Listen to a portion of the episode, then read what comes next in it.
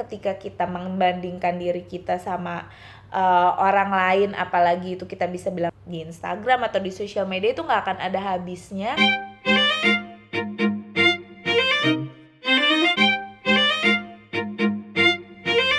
Halo, selamat datang di Wellbeing Journey Podcast. Uh, di, hari ini ada aku Yasmin, ada di Wangsa Jelita, terus ada Nadia dari Wangsa Jelita juga. Dan lalu ada, ada Putih. Putih uh, yang punya akun Bayi Putih. Yeah, By okay. the way. Putih siapa nih ngomong-ngomong? Jadi uh, podcast ini kita masih dalam rangka kolaborasi sama Putih soal journaling. Karena si Putih dan Nadia ini ternyata adalah militan journaling. Mereka itu udah journaling dari sekian ratus tahun yang lalu. Wow. Eh udah tua kalian ternyata ya. Ternyata vampir. Jadi uh, menemukanlah mereka soulmate di bidang journaling. Nah, terus kita bikin uh, waktu cerita sebenarnya udah punya jurnal duluan, tapi kita bikin kolaborasi sama Putih edisi khusus. Terus kita juga bikin IGTV beberapa minggu lalu dan kita juga bikin event berbentuk WJ Class. Nah, podcast ini kita bikin supaya semakin banyak orang nih yang bisa uh, tahu, bisa sharing tentang kenapa sih kita perlu journaling dan gimana sih sebenarnya journaling itu menurut Putih dan Nadia. Dan nah, menurut Yasmin juga ya. Mm -mm. Aku nanti dari sisi newbie ya, karena aku baru mulai rutin nih setelah kelas. Nah, oke, okay, jadi kita langsung masuk nih yang tema pertama. Kenapa sih kalian itu journaling dan kenapa menurut kalian itu penting? Karena pasti banyak orang yang merasa begini, aduh journaling itu kan gue mana punya waktu sih buat journaling, udah gue ini itu ini itu terus ditulis itu buat apa sih gunanya buat gue? Gimana Nat? Kenapa journaling? Kamu kan dari ribuan tahun ya journaling.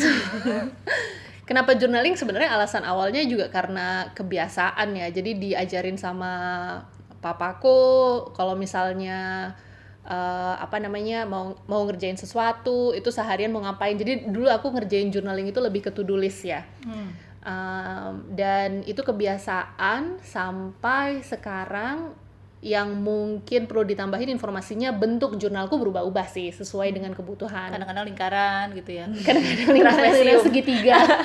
Kerucut Kadang-kadang jajaran genjang. Bukan bentuknya, tapi maksudnya kontennya. Formatnya Bu mungkin maksudnya. Bu Yasmin. Kita kan newbie ceritanya. kita panggil Aladin ya kalau Bu Yasmin begini terus ya kan. Gue dibawa pakai karpet terbang. terus terus. tapi tadi apa ya? Oh iya, jadi kontennya berubah yang paling terakhir journaling um, yang aku kerjain paling terakhir itu artinya tiga tahun terakhir sampai sekarang itu uh, memang aku track apa yang aku pingin uh, track tentang diriku jadi tujuannya itu lebih ke mengenal diri sendiri. Asik. Jadi misalnya aku pingin, kayaknya aku pernah cerita sih sebenarnya sama Yasmin. Aku pingin tahu seberapa lama sih aku nggak konsumsi obat. Hmm. Aku pingin tahu pola tidurku tuh seperti apa. Aku pingin tahu uh, pengaruh kalau misalnya aku lagi dapet sama emosiku hmm. itu bener gak sih seperti itu pokoknya semua hal yang aku pingin tahu tentang diriku dan aku tahu itu akan mempengaruhi performa kerjaku kayak performa hubunganku dengan orang-orang di sekitarku itu biasanya aku tertarik untuk ngetrack sih hmm. gitu uh, tentu hal-hal yang to do list apa yang mau aku uh, kerjain selama um, satu bulan ke depan atau bahkan satu tahun ke depan untuk urusan kerjaan itu juga dikerjain sampingan. Jadi dua hal itu sih sebenarnya yang yang uh, aku pikir aku kerjakan sekarang. Jadi mengenal diri sendiri dan untuk merencanakan masa depan.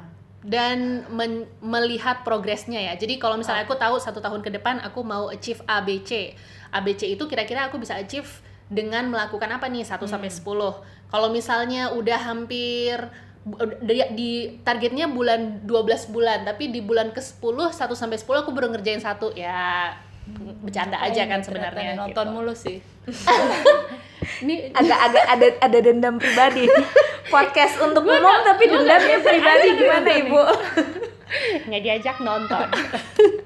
Putih gimana put?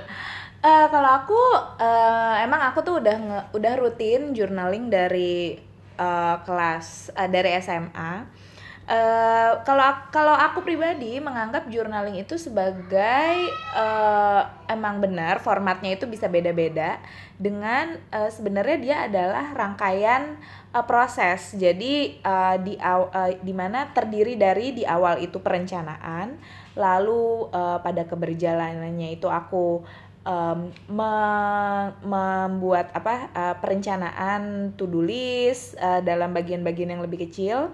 Uh, kemudian uh, tracking the progress along the way dan di akhir evaluasi.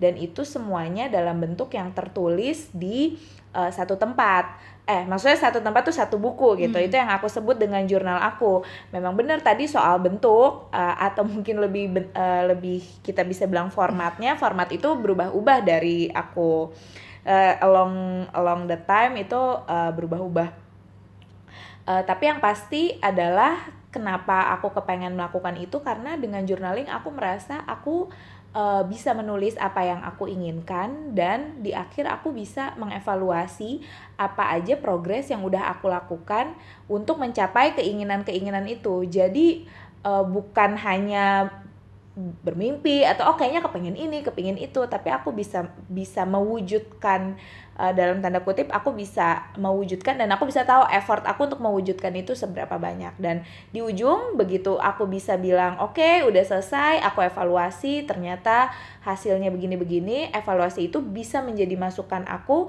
untuk uh, bikin perencanaan di tahun berikutnya. Jadi kayak siklus hmm. gitu.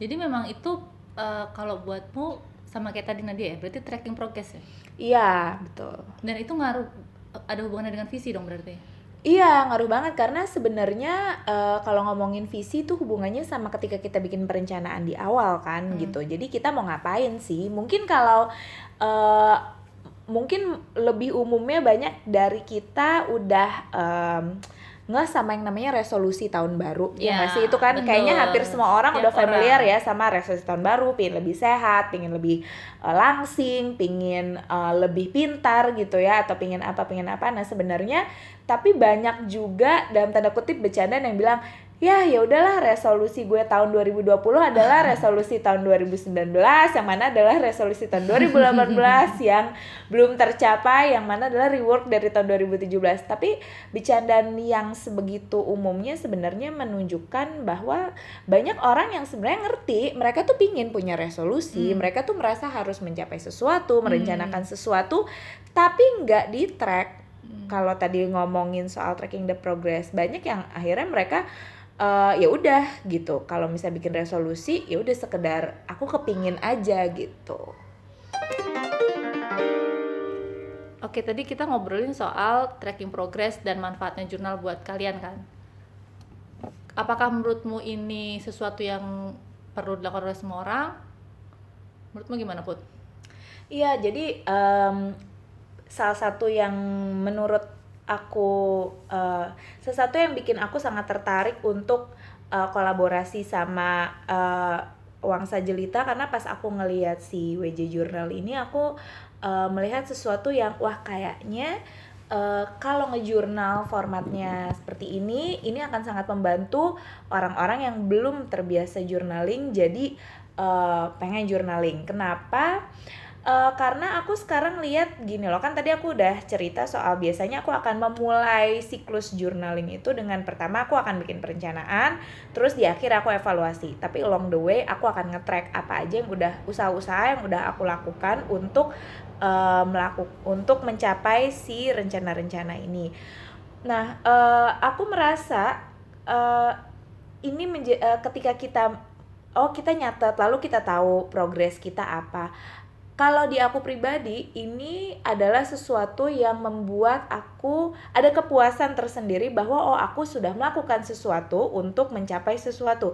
Apakah nanti di ujungnya itu uh, berhasil tercapai seperti yang aku rencanakan atau enggak? Ya mungkin itu uh, nanti bisa kita omongin lagi. Tapi uh, setidaknya aku udah melakukan sesuatu dan ketika aku merasa aku uh, melakukan sesuatu yang um, mengarah ke sesuatu yang aku inginkan, aku merasa produktif dan self fulfilled. Aku merasa uh, senang gitu. Oh, bahwa aku itu uh, melakukan sesuatu. Nah, menurut aku isu ini jadi relevan karena kalau zaman sekarang tuh kan kita banyak banget eh kita tuh sangat terkoneksi ya melalui sosial media. Kita mungkin bisa ngelihat kehidupan uh, entah itu teman kita orang yang di dekat kita sampai orang eh, selebriti yang mungkin jauh kita nggak kenal. Tapi kita intinya kita bisa melihat pencapaian-pencapaian mereka highlight-highlight hidup mereka yang bagus-bagus. Dan ketika kita hanya sibuk melihat hal itu tanpa kita menyadari atau kita become conscious sama apa yang sama progres-progres kecil yang udah kita lakukan itu akan uh, bikin hidup kita apa ya susah untuk jadi puas susah untuk untuk uh, merasa kita udah melakukan sesuatu. Nah journaling dengan kita mencatat, kita nge-track progres kita, harapannya adalah kita bisa lebih mengapresiasi apa-apa yang udah kita lakukan uh, progres uh, itu sekecil apa pun itu. Gitu sih, Min. Makanya aku pengen semua orang nih nyoba deh journaling gitu. Berarti karena itu bisa menghindari dia kita dari sifat dengki gitu. Hmm, hasad, iya, hasad, hasad. hasad. Iya sih. Ngeliat karena, si ibu itu kayaknya dia oke okay banget iya, nih. Iya iya iya karena kalau masak menurut, tiap hari. Iya itu uh, itu sering sih uh, aku aku termasuk sering ngomongin bahwa ketika kita membandingkan diri kita sama uh, orang lain apalagi itu kita bisa bilang di di Instagram atau di sosial media itu nggak akan ada habisnya karena uh, kita juga nggak ngelihat kita juga nggak tahu uh, usaha-usaha apa yang mereka hmm. lakukan, hal-hal apa yang mereka korbankan. Jadi memang kalau aku pribadi sih di zaman yang wah gila kita sampai ke distrak kita nggak tahu kita mau ngapain ya memang pertama kita tahu dulu kita hmm. mau apa lalu ya kita hargai diri kita sendiri saat dia saat diri kita ini melakukan usaha untuk uh, melak untuk mencapai goals kita gitu sih kalau hmm. menurut aku jadi ini nyambung ke soal menghargai proses yang kita lakukan ya. Jadi apakah kita mencapai goals kita atau enggak itu satu hal, tapi hmm. kita tuh udah punya progres nih dan hmm. ini sesuatu yang patut kita apresiasi. Iya, selain kita bisa merencanakan eh, eh selain kita bisa menyadari atau mengapresiasi usaha yang udah kita lakukan, itu kan bisa juga jadi masukan kita untuk uh, untuk menjalani yang kalau misalnya Uh, ini langsung ngomongin contoh ya, misalnya kita bilang uh, di awal, oke okay, kita kepengen uh, nambah ilmu gitu, misalnya hmm. dengan cara apa? Dengan cara uh, baca buku. Nah, kalau misalnya kita nge-track, oh kita itu bisa paling baca buku meluangkan waktu sehari 10 menit gitu. Uh, ya udah nggak apa-apa kalaupun misalnya nggak tercapai, misalnya ada orang lain yang bisa sampai baca satu buku satu minggu, kita nggak hmm. nggak hmm. sempat karena kita cuma bisa punya waktu luang 10 menit dalam sehari untuk baca. Hmm. Ya nggak apa-apa, ketika kita mengkip uh, itu di dalam jurnal, oh saya baca kok buku 10 menit gitu. Kita jadi bisa menghargai, oh setidaknya saya udah melakukan itu. Tapi mungkin kalau di awal saya bilang pokoknya gue pengen bisa baca buku satu satu mi, satu minggu satu buku. Ya kalau uh, kita jadi setelah kita ngetrack, oh kayaknya kalau dengan kita cuma punya alokasi waktu 10 menit setiap hari nggak akan tercapai sih hmm. satu minggu satu buku, mungkin satu bulan satu buku tapi anyway itu kan progres. Itu hmm. kan hal yang bagus dan kita mendapat sesuatu gitu. Hmm menarik sih ini. Kamu pernah punya pengalaman soal progres nggak atau hmm. menghargai proses? Karena si Nadia ini dia itu aku pendapatku dia tuh orangnya sangat apa ya dia sangat kamu tuh kan sangat concern banget kan soal prosesnya soal caranya soal gimana kita mencapai uh, ke sebuah tujuan ya nggak sih? Hmm. kamu hem hem aja deh. Ini pertanyaannya apa? Kamu kamu sharing dong apa pengalamanmu? Apakah kamu pernah uh, ada dalam suatu masa di mana kamu tuh nggak mencapai sesuatu yang kamu inginkan tapi kamu tetap bisa mengapresiasi apa yang sudah kamu lewati gitu? Oh aku langsung kepikiran satu hal. Yeah. uh, misalnya aku ambil contoh lain. yang, Jadi yang pasti karena hal pertama yang dipikirkan adalah nggak aku ambil contoh lain yang menurutku akan mudah direlate banyak orang. Mungkin nggak semua orang tapi banyak orang. Misalnya kita kepikiran mau uh, nikah sama si A. Asik. Nah, nggak, mungkin nggak semua Adam orang Levine gitu misalnya. Adam Levine. Misalnya kita mau nikah sama Adam Levine bukan nama sebenarnya. Terus? Adam Levine ada Cianjur. Oke ujung-ujungnya Adam Jordan kamu umur berapa sih? Aku nggak tahu Adam Jordan Oh, biasa. kembali ke podcast. Misalnya kita kepikiran mau nikah sama seseorang terus udah gitu kita tahu um, apa yang harus didevelop dalam diri untuk bisa menyiapkan diri you know menjadi sebuah bagian dari apa sih istilahnya? Pasangan Per- pernikahan iya. lah ya. Um, tapi ternyata nggak jadi nikah sama orangnya tapi eh, persiapan untuk menjadi individu yang lebih baiknya tercapai Uh, itu pernah kejadian sama aku dan aku ngerasa uh, ya sedih sih yang yang kecap eh, apa yang dicita-citakan di awalnya nggak kesampaian tapi aku ngerasa aku jadi individu yang lebih baik karena ada proses belajarnya. I'm not endorsing pacaran by the way tapi menurutku ini salah satu contoh yang uh, paling gampang lah kita uh, melihat sesuatu itu sebagai suatu proses belajar atau aku melihat hubungan itu sebagai proses belajar. Atau mungkin uh, yang tadi yang pertama aku pikiran sebenarnya misalnya urusan uh, pekerjaan. Aku punya bayangan mau mencapai X dalam hal sales gitu tapi ternyata di akhir tahun uh, tidak tercapai 100% tapi kita bisa lihat nih di bulan ke berapa itu mencapai apa dan ada kegiatan apa itu kan jadi lebih uh, memotivasikan. Oh ya mungkin kita nggak mencapai tujuannya apa sih tapi aku jadi belajar sesuatu yang akhirnya membentuk um, misalnya kultur yang lebih sehat di perusahaan gitu. Karena uh, aku menghargai uh, progres si timku dan aku bisa uh, jadi lebih open dengan mereka bentuk kerjasamanya jadi lebih baik. Itu kan sesuatu yang bisa diapresiasi. Jadi sebenarnya nggak melulu hasil yang tidak didapat itu sesuatu yang jelek ya. Dan uh, ini mungkin balik lagi ke poinnya Putih tentang journaling. Sebenarnya aku tadi mau jawab pas ditanya apakah artinya aku merekomendasikan journaling untuk semua orang. Aku tuh su- suka hati-hati untuk urusan ini uh, karena aku punya prinsip nggak ada yang namanya one solution fits uh, all gitu. Um, jadi dengan pemahaman itu aku khawatir kalau seandainya bilang ya journaling semua orang harus coba. Aku takut um, itu bukan saran yang tepat. Akan tetapi aku setuju banget sama apa yang dibilang Putih. I think everyone can benefit from journaling.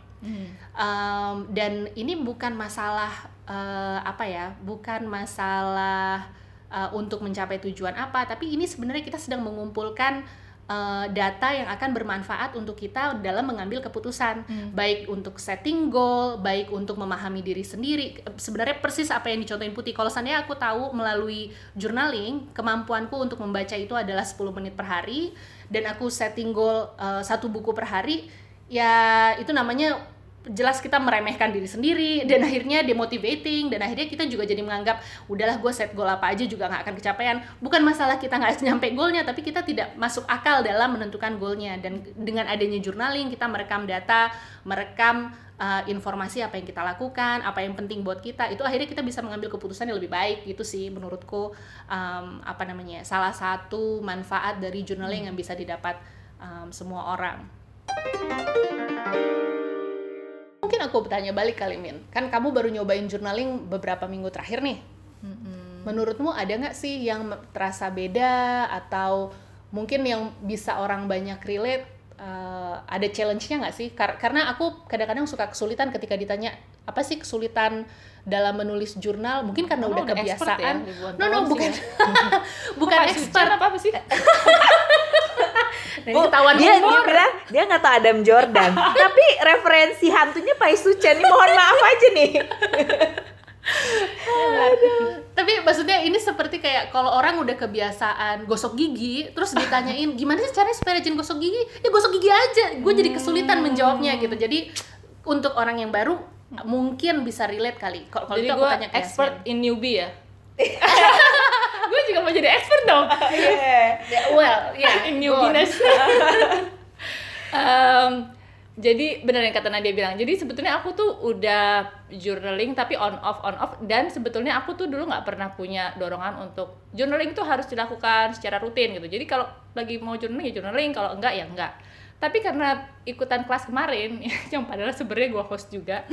Tapi aku bener ngerasa pas di kelas itu tuh jadi ada ada apa ya klik gitu. Oh iya nih kayaknya memang journaling secara rutin ini aku mau coba dan akhirnya aku coba mungkin udah mau tiga minggu ya.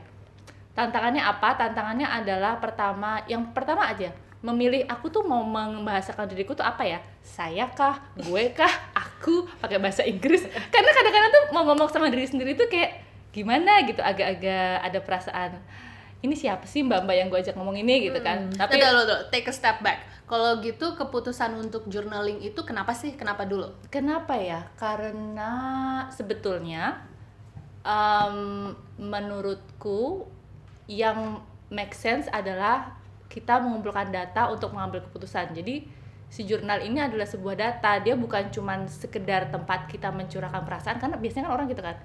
Journaling supaya keluarin tuh emosi yang ada. Aku orangnya nggak terlalu emosian kayaknya. Jadi aku nggak nggak nggak pernah ada nggak jarang ada urgensi kayak wah gue harus ngeluarin ini di sini nih. Jadi aku nggak punya urgensi untuk itu. Tapi kalau misalkan eh, dilihat ya perspektifnya adalah ini adalah data aku merekam oh ketika ini terjadi tuh apa yang terjadi dalam hidupku?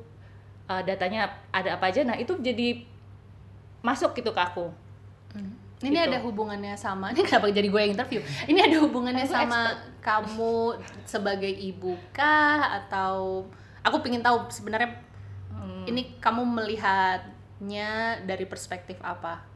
dari semua perspektif sih ini kan karena kita pingin berprogres jadi yang aku alami sekarang itu kadang-kadang hidup itu kita kita pasti berprogres sih maksudnya masa sih kita nggak tambah pinter masa sih kita nggak tambah berwawasan tapi itu tuh kayak ada ag- agak jauh di luar kendaliku. Dan dengan journaling ini aku berharap aku bisa lebih ambil kendali dari arah hidupku tuh mau ke mana. Dan seberapa cepat aku mau ke sana. Ya dengan keren kan gue ya? Udah bisa nih. Be- besok ini uh, Yasmin narasumber. expert in newbiness. Iya kayak gitu. Terus tadi pertanyaan awalnya apa ya Enggak, tadi kamu akhirnya nyebutin oh uh, iya ke- kesulitannya kenapanya itu. Ah, kesulitannya tadi Ya. yang Tapi kenapanya adalah kamu ingin mengumpulkan data supaya um, Bisa arah hidup kendali. Ya, lebih arah hidupnya ke mana itu lebih bisa dalam kendalimu. ya betul betul agak kontrol freak juga ya Enggak sih. Enggak, kan kita manusiawi ya. Iya. Iya sih kalau malah menurut aku memang em, kadang nih aku suka kayak ini kalau pengalaman aku sebagai ibu-ibu yang kadang ngobrol sama ibu-ibu kalau terutama kejadian sama ibu-ibu rumah tangga eh, kadang-kadang ibu rumah tangga tuh kerjanya banyak. Nggak ada liburnya. Dari pagi sampai pagi lagi tuh ada aja kerjaannya. Tapi karena itu adalah hal yang rutin kadang-kadang merasanya tuh eh, ada tetap ada kayak aduh kok bosen ya? Kok seperti nggak berkembang? Padahal udah melakukan banyak hal gitu. Dan sebenarnya menurut aku dengan kita setidaknya eh, se- semua sih menurut menurut aku gitu eh, ketika kita nanya lagi oh jadi sebenarnya gue ini mau ngapain ya? Kayaknya gue sudah melakukan banyak hal tapi kok jadi nggak tahu juga mau ke mana arahnya. Nah menurut aku bagus untuk dituangkan eh, ditulis atau ya tadi mungkin salah satu benefit journaling adalah kita bisa lebih ada tahu oh kita tuh mau ngapain dan eh, apa yang harus diimprove apa yang mungkin sebenarnya ini bisa di eh, dibikin lebih efisien lebih efektif gitu. Atau kalaupun kita oke mungkin main melakukan sesuatu ada hal yang harus didelegasikan mungkin kita juga jadi lebih aware apa sih yang mungkin bisa kita delegasikan